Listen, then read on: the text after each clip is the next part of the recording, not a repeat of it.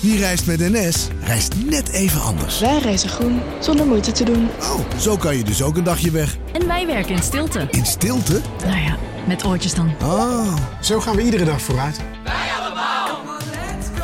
stap je ook in? Bij een juridisch conflict kun je het gevoel krijgen dat je in een rollercoaster bent beland. Je wereld staat op zijn kop en je bent de controle even helemaal kwijt. Dan is het fijn als je bent verzekerd bij ARAG. Daar werken topjuristen en advocaten die je begrijpen. Die een stap extra voor je zetten. En je het gevoel van controle teruggeven. Met kennis en informatie, met heldere uitleg en met gericht advies. ARAG, juridisch probleemoplossers.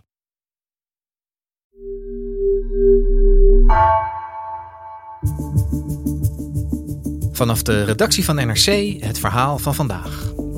Mijn naam is Egbert Kalsen.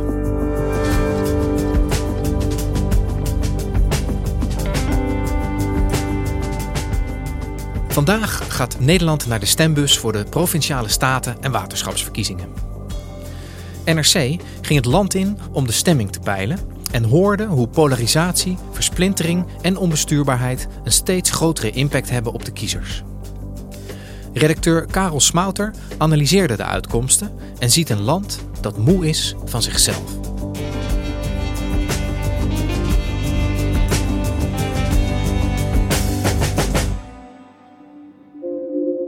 Vandaag eh, sta ik samen met eh, miljoenen andere Nederlanders in een stemhokje voor de provinciale staten en waterschapsverkiezingen. En in dat hokje gaan er allerlei gedachten door mijn hoofd. Hoe zorg ik er met mijn stem voor dat boeren, bouwers en burgers alle drie weer verder kunnen? Dat de opvang voor asielzoekers weer op het pijl komt wat je van een beschaafd land mag verwachten. Dat de toeslagenaffaire en de gaskwestie in Groningen nu eindelijk eens fatsoenlijk afgehandeld worden.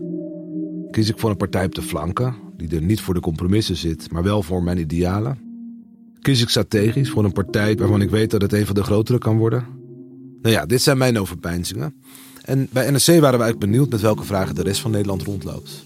Dus we spraken met verschillende collega's, uiteindelijk 108 mensen, in 12 buurten in 12 provincies, om te kijken hoe voelt Nederland zich. Hallo? Hallo meneer. Goedemorgen. Hallo, goedemorgen. Wat brengt jullie in dit dorp? Hallo. Hallo. Goeiedag. Mogen wij wat vragen? En we zagen een land dat eigenlijk een beetje ja, verstikt geraakt is in paradoxen. Veel Nederlanders ergeren zich aan verdeeldheid, polarisatie, versplintering. Maar veroorzaken we dat niet zelf met ons eigen stempotlood? Karel, jullie zijn eh, met velen het land ingetrokken, vele buurten in eh, gegaan om te spreken met, eh, met Nederlanders. Hoe, hoe zijn jullie te werk gegaan? Nou, dat is inderdaad een NRC-klassieker zou je kunnen zeggen. Het heeft een lange traditie. Ik geloof dat het in 1998 voor het eerst gedaan is. Dus dat we in elk geval voor de verkiezingen kijken van wat zit er nu in de hoofden van mensen. Ehm, wat houdt ze bezig op het moment dat ze richting het stemhokje gaan. Je moet het een beetje zien als een soort groepsinterview. Het is dus geen wetenschappelijk onderzoek. De resultaten zijn ook niet representatief of eh 100% betrouwbaar. En we praten uiteindelijk met de mensen die willen dat we met ze praten. Dus dat is alvast de beperking. Maar nou ja, het geeft toch ja, geen volledig, maar wel een rijk beeld vind ik van eh, ja, hoe Nederland erbij staat. Ja, en, en waar zijn jullie op uitgekomen? Ben je er een beetje achter gekomen wat er in de hoofden van de mensen omgaat aan de vooravond van die verkiezingen?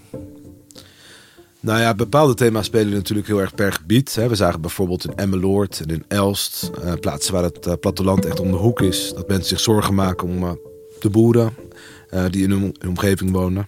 Kijk, nou schuiven ze alles op de boeren af, ja, wat ook niet helemaal correct is, hè. vind ik persoonlijk ook. Kijk, want we kunnen zeggen van doen alle boeren weg, en doen alle tuinders weg, maar straks kunnen we helemaal geen groenten meer kopen, want dan kunnen we alweer die bloemkool voor 7 euro uit Spanje kopen. Ze hebben hun stal aangepast. Ze hebben miljoenen geïnvesteerd. Ze hebben zoveel gedaan. En ze kunnen eigenlijk niet heel veel meer. En aan de andere kant, in de meer stedelijke gebieden waar we waren, ja, maakten zich meer, mensen zich meer zorgen over de toekomst van de aarde bijvoorbeeld. Ja, ik let met name denk ik ook op duurzaamheid. Vind ik heel erg belangrijk. Ja, de aarde die raakt wel op zijn, eh, op zijn maximum qua gebruik. Ze zouden meer aandacht moeten hebben, denk ik, voor gezondheid en duurzaamheid algemeen. En dan ook in brede zin, zeg maar, welzijn eigenlijk. Eh, waarvan ik denk dat duurzaamheid en milieu daar heel erg bij horen. Ja, iedereen heeft uiteindelijk thema's die persoonlijk voor jou belangrijk kunnen zijn. Maar er was één thema dat ongeveer iedereen wel uh, op een of andere manier aansneed. Ze zijn een beetje lam geslagen. He, mensen zien dat het, uh, ja, het oplossen van problemen ontzettend lang duurt. Zien dat de overheid ja, soms jarenlang zeg maar, worstelt met bepaalde dossiers. Nou ja, stikstof is natuurlijk een heel goed voorbeeld. En het gevoel bij veel mensen heerst, ja, de politiek maakt geen duidelijke keuzes. We weten niet waar we aan toe zijn. Wat ik heel kwalijk vind is dat het allemaal heel erg korte termijn is. Uh, naar lange termijn wordt niet gekeken. Nou, ik mis eigenlijk een visie bij de overheid en een overkoepelend geheel. Ik vind het heel erg ad hoc uh, beleid tot nu toe. Nou, sommige onderwerpen of uh, sommige dossiers blijven heel erg lang liggen. Er wordt geen, uh, ja, er wordt geen klap op gegeven. Mm. En dat mis ik soms wel eens. Maar het interessante vond ik eigenlijk wel... Ja, je kunt natuurlijk heel boos zijn op de politiek. Maar in een democratie breng je de politiek zelf voort. In het stemhokje.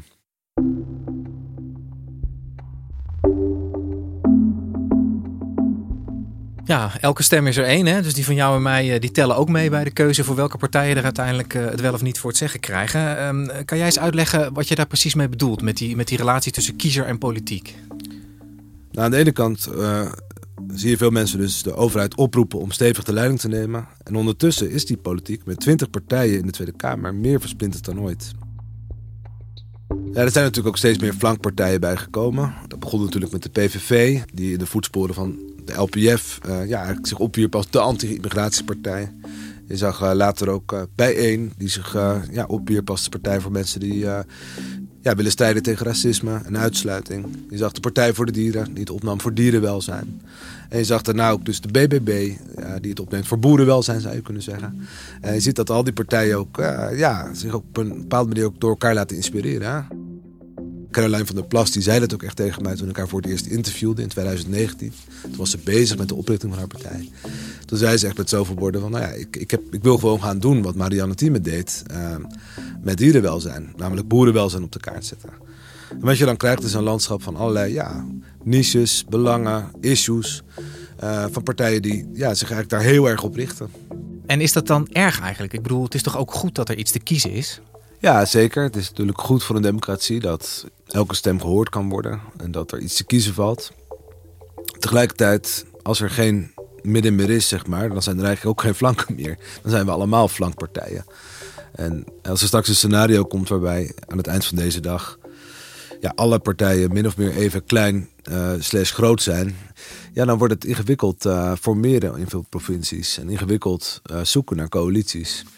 En de opkomst van al die ja, one-issue, niches, belangenpartijen maakt dat politiek uh, door steeds meer mensen als een vorm van belangenbehartiging gezien wordt. En uh, daar is de BBB denk ik een goed voorbeeld van. Dat is echt een sector die ja, zeg maar, erin geslaagd is om een politieke partij te lanceren. En als de verkiezingen uitpakken zoals inderdaad de afgelopen weken gepeild is, dan zou het best wel eens zo kunnen zijn dat er straks in alle provincies meer dan zes partijen nodig zijn om aan een coalitie te komen. En in sommige gevallen zelfs acht partijen. En dat maakt de ja, bestuurbaarheid, zeg maar, en de, de besliskracht van de overheid natuurlijk minder. Dus, uh, dus datgene wat mensen vinden dat de overheid meer moet doen, namelijk de leiding nemen, zeg maar, en uh, knopen doorhakken, wordt natuurlijk moeilijker naarmate we verdeelder zijn in onze stem. Ja. En, en is dat nou iets wat vanuit, vanuit de kiezer zeg maar, komt? Of heeft de politiek, hebben de partijen daar zelf ook aan bijgedragen aan dat dat zo gepolariseerd is geworden, dat landschap? Ja, wat we ook wel hoorden uh, op straat en aan de deuren is, dat, uh, is teleurstelling in de coalitie. Het kabinet doet maar wat, wat ze zelf hebben. Als er nou echt een schuldige is, hè, dan moet je zeggen van... geef die man ook eens even de zak een keer. Hè. Gebeurt niet. Blijf gewoon zitten. De vorige uh, coalitie stapte op vanwege de toeslagenaffaire. Uh, toen kwamen er verkiezingen, een lange formatie... en uiteindelijk zit hetzelfde kabinet er weer... En je ziet bij veel mensen toch uh, ja, dat dat het vertrouwen niet, uh, niet, niet, omhoog gebracht heeft. Integendeel. En als ze dan ook nog zien dat er binnen die coalitie allerlei spanningen bestaan. CDA versus D66 bijvoorbeeld. ChristenUnie soms versus de VVD als het gaat om asiel.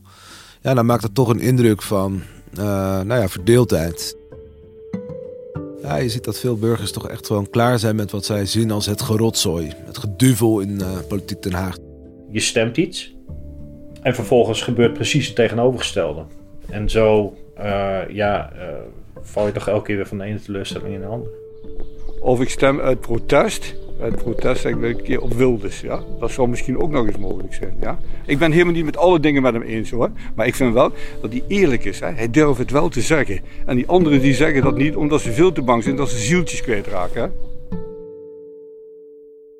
Ja, en als je dan ook nog ziet hoe partijen zich in campagnetijd profileren. Ja, het voor Nederlandse begrippen vrij felle uh, toontje wat je in veel campagnes uh, tegenkomt. Het is echt Amerikaans hard geworden de afgelopen dagen. Uh, partijen die de wereld echt in een wij en een zij verdeelden. Als zij de macht kregen, dan breekt hier de hel los, bij wijze van spreken. met name de VVD plaatste de afgelopen weken een filmpje van allerlei protesten. klimaatprotest, Extinction Rebellion, nou ja, het pro-zwarte Piet-protest kwam nog voorbij. Met aan het einde de tekst: ja, ga stemmen, laat ze niet winnen.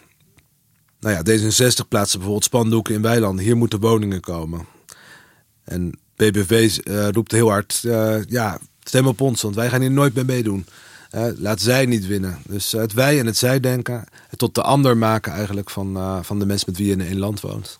En de ander eigenlijk ook verklaren tot, tot ja, politieke vijand. Dat is echt wel iets wat, uh, ja, wat deze campagne, vind ik, gekenmerkt heeft. Dus, uh, en waar heel veel burgers ook over gestruikeld zijn uh, de afgelopen weken. Ja, dus door zelf de verschillen zo enorm uit te vergroten, draagt de ja. politiek eigenlijk ook bij aan die verdere Ja, ik denk dat ze dat doen in de hoop om ja, kiezers te trekken.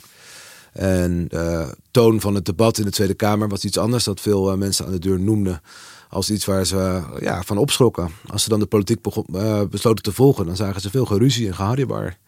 Ja, ontzettend veel mensen die ook zeggen van... het zijn zoveel partijen, ik kan het ook niet meer volgen. Ja, je dus, kan de kiezer eigenlijk nauwelijks kwalijk nemen dat hij doet wat hij doet. Nee, nou ja, en dan, het antwoord, paradoxaal genoeg, is dan alleen... Uh, ja, dat ze met hun stem voor nog meer versplintering zorgen. Dus, uh, dus dat wordt interessant.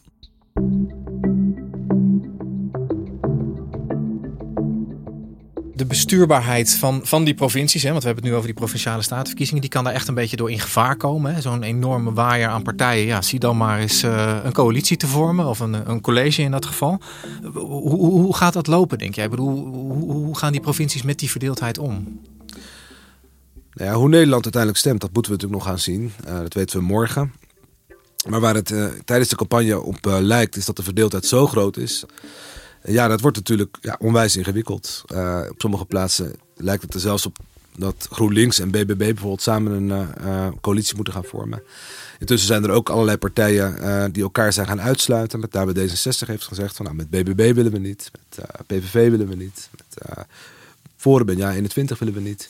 Dus dat maakt het bij voorbaat al interessant. Maar het is natuurlijk ook mogelijk dat de partij als de BBB zeg maar, zich ontpopt tot een uh, bestuurderspartij. Er zitten veel oud-CDA'ers in de BBB. Het zou best wel eens kunnen dat uiteindelijk nou ja, die kant zeg maar, wat meer uh, naar voren komt.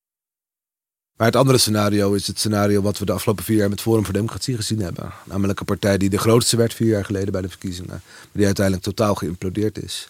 Dus dat is uh, voor een deel nog koffiedik kijken hoe dat zal gaan. Je kunt wel zeggen, denk ik, dat... Uh, dat in provincies waar bijvoorbeeld een heel duidelijke rechtse meerderheid is, dus CDA, VVD, BBB, wordt het heel erg interessant of ze straks het kabinetbeleid gaan uitvoeren of dat ze tegengas gaan geven. En als ze tegengas gaan geven, bijvoorbeeld rondom stikstof, uh, gaat het kabinet hun dan uiteindelijk overroelen? Of, uh, of respecteren ze het feit dat provincies ja, zelfstandige bestuurslagen zijn die ja, uh, hun eigen koers mogen varen? Zelfs als de landelijke partij iets anders vindt. Ja. Dus dat wordt denk ik de grote vraag voor de komende jaren. Want het kan dus ook echt wel effect hebben op hoeveel slagkracht zeg maar, de landelijke coalitie heeft in de uitvoering van een aantal van hun plannen. Ja, de landelijke overheid heeft zeker rondom stikstof eigenlijk ervoor gekozen om de provincies verantwoordelijk te maken voor de uitvoering van uh, het stikstofbeleid. Uh, en dat zou best wel als, als een boemerang in het gezicht van het kabinet kunnen terugkeren op het moment dat provincies van samenstelling veranderen. En nou ja, met de, de, electorale opmars van BBB is dat niet ondenkbaar natuurlijk. Dus dat er straks allerlei provincies zijn die, die zeggen... ja, jullie willen dat we dit uitvoeren, maar dit kunnen we niet. En je zag in deze campagne ook bijvoorbeeld al acht commissarissen van de Koning... die zeiden, ja, 2030 als doel voor de stikstofplannen... dat is gewoon niet haalbaar. Dus, uh, dus het kabinet zou best wel eens ja, een geduchtige op oppositietegenstander in die provinciebesturen kunnen gaan vinden de komende jaren. Ja. En, en zou het wat dat betreft helpen? Volgens mij was Diederik Samson een van de mensen die dat ooit zei: van als er een soort herwaardering voor het politieke compromis uh, zou komen. Hè? Dus dat je mensen uitlegt: u stemt nou wel op mij, maar weet dat ik nooit mijn hele verkiezingsprogramma kan gaan uitvoeren voor u. Ja, er zijn inderdaad politici die dat heel radicaal uitdragen. Gert-Jan Segers was bijvoorbeeld zo iemand. En die kreeg er ook veel lof voor. Voor de manier waarop hij altijd, nou ja, met heel veel mitsen en maren zei van... nou ja, dit is, dit is wat we wilden, dit is wat we gedaan gekregen hebben... dit is wat we uh, niet gedaan gekregen hebben. Dit zijn de meloenen die we moesten doorslikken.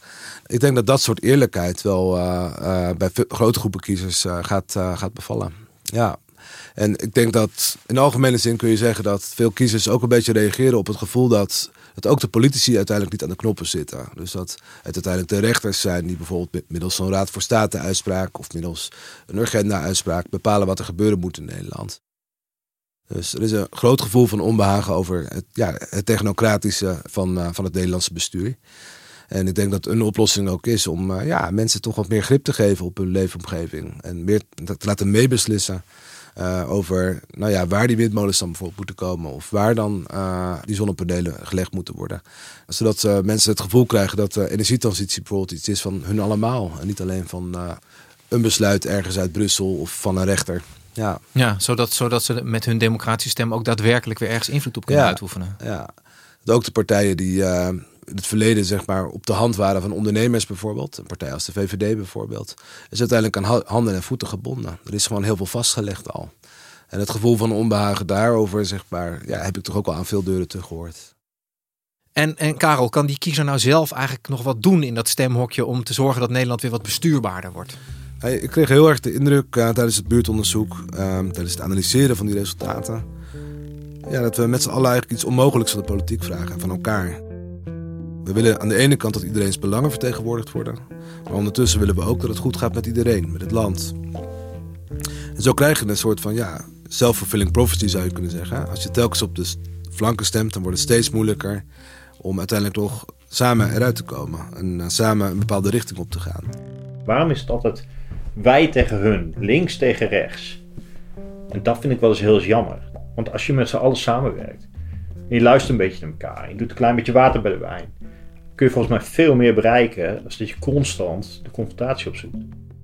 Je kunt je afvragen, wat is eigenlijk rationeel? Hè? Wat is in je eigen belang? Is het in je belang om te gaan voor een partij die nou ja, zegt jouw belangen te vertegenwoordigen... of die helemaal samenvalt met jouw idealen? Of je nou van de Partij voor de Dieren bent of van de Boer-Burgerbeweging. Of is het juist in jouw belang om te gaan voor een partij die ja, die belangen zeg maar, tegen elkaar afweegt... en uh, uh, het algemene belang zeg maar, probeert uh, na te streven? dit soort dingen gaan altijd in golfbewegingen... Uh, maar de enorme versnippering van nu wordt ook door steeds meer burgers als een probleem ervaren. Dat is voor mij wel de belangrijkste uitkomst uit het buurtonderzoek. Meer luisteren naar elkaar, niet zo'n grote mond hebben, niet zo achterlijk reageren op elkaar. Accepteer elkaar daar zo als je bent. Ik blijf er ook bij dat mensen in gesprek moeten blijven. Dus ik ben ook niet heel erg voor polariserende partijen. Met z'n allen iets minder naar elkaar kijken. Iets meer naar elkaar gaan omkijken. Dat zou ik wel wensen. En als je iets aan die versnippering wil doen, ja, dan zou je dat toch met je, met je, met je eigen potlood moeten doen in het stemhokje. Dankjewel, Karel. Graag gedaan.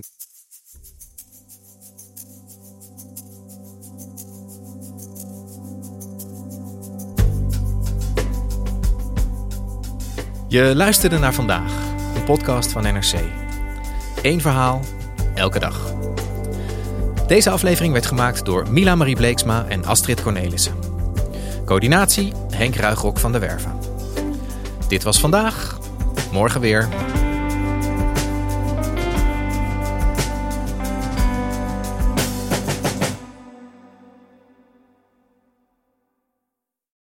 De financiële markten zijn veranderd, maar de toekomst, die staat vast. We zijn in transitie naar een klimaatneutrale economie. Dit biedt een van de grootste investeringskansen van onze generatie. Een kans voor u om mee te groeien met de pioniers van morgen. Meer weten? Ga naar carbonequity.com. Carbon Equity. Do good by investing better.